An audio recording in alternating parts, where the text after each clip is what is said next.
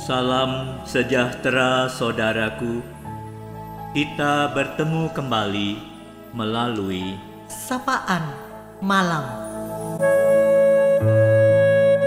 Ada berkat Tuhan untuk kita. Firman Tuhan yang akan memberi ketenangan. saudara. Layakkah disebut sebagai sebuah persekutuan? Ketika relasi di dalamnya hanya sebagai orang-orang berkumpul. Malam ini firman Tuhan Roma 15 ayat 1 dan 2 hendak menyapa kita. Kita yang kuat wajib menanggung kelemahan orang yang tidak kuat, dan jangan kita mencari kesenangan kita sendiri. Setiap orang di antara kita harus mencari kesenangan sesama kita demi kebaikannya untuk membangunnya. Pengertian orang yang kuat adalah orang yang punya kelebihan dari sisi pemahaman iman, tidak terikat pada apa pun, karena mengerti bahwa di dalam Kristus ada kebebasan. Ia laksana seperti pohon yang mengakar lebih dalam, lebih mampu menahan badai. Yang kuat seperti inilah ia mesti berbagi dan menanggung kelemahan orang yang tidak kuat. Menanggung adalah kata yang sama dipakai ketika Kristus menanggung salib. Orang yang kuat imannya tidak hidup untuk mencari kesenangan dirinya sendiri, dan ia mau memikul, mau direpotkan untuk membantu mereka yang lemah, tak berdaya. Hal ini bisa diterapkan di dalam berbagai bidang, baik di dalam iman, pengetahuan, fisik, ekonomi, dan banyak lagi hal yang lain. Dengan membantu mereka yang lemah, diharapkan beban yang lemah menjadi semakin ringan.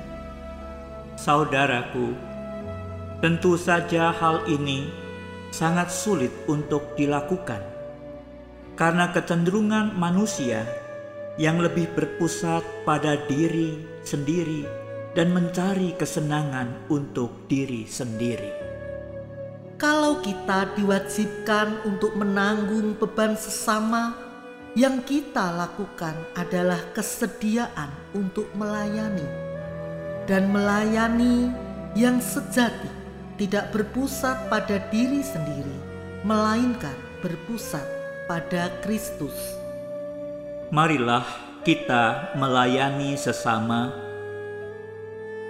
dengan memohon hikmat Tuhan, agar yang kita lakukan itu membangun secara rohani. Yang perlu disadari bersama agar hidup saling menanggung beban, jangan sampai justru membuat orang lain tidak bertanggung jawab.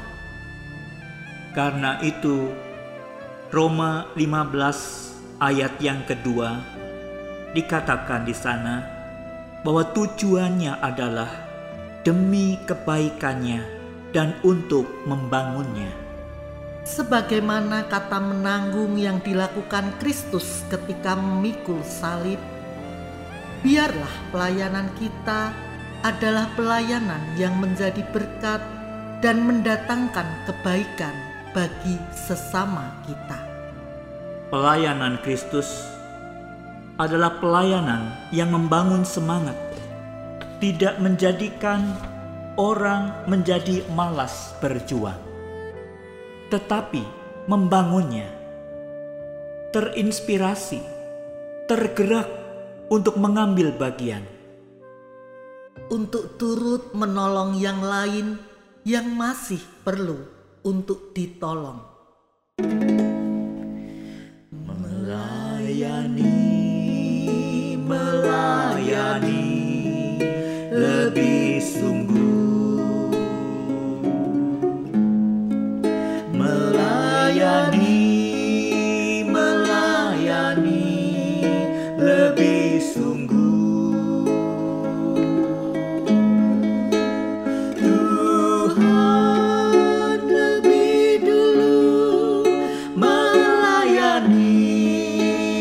kepadaku melayani melayani lebih sungguh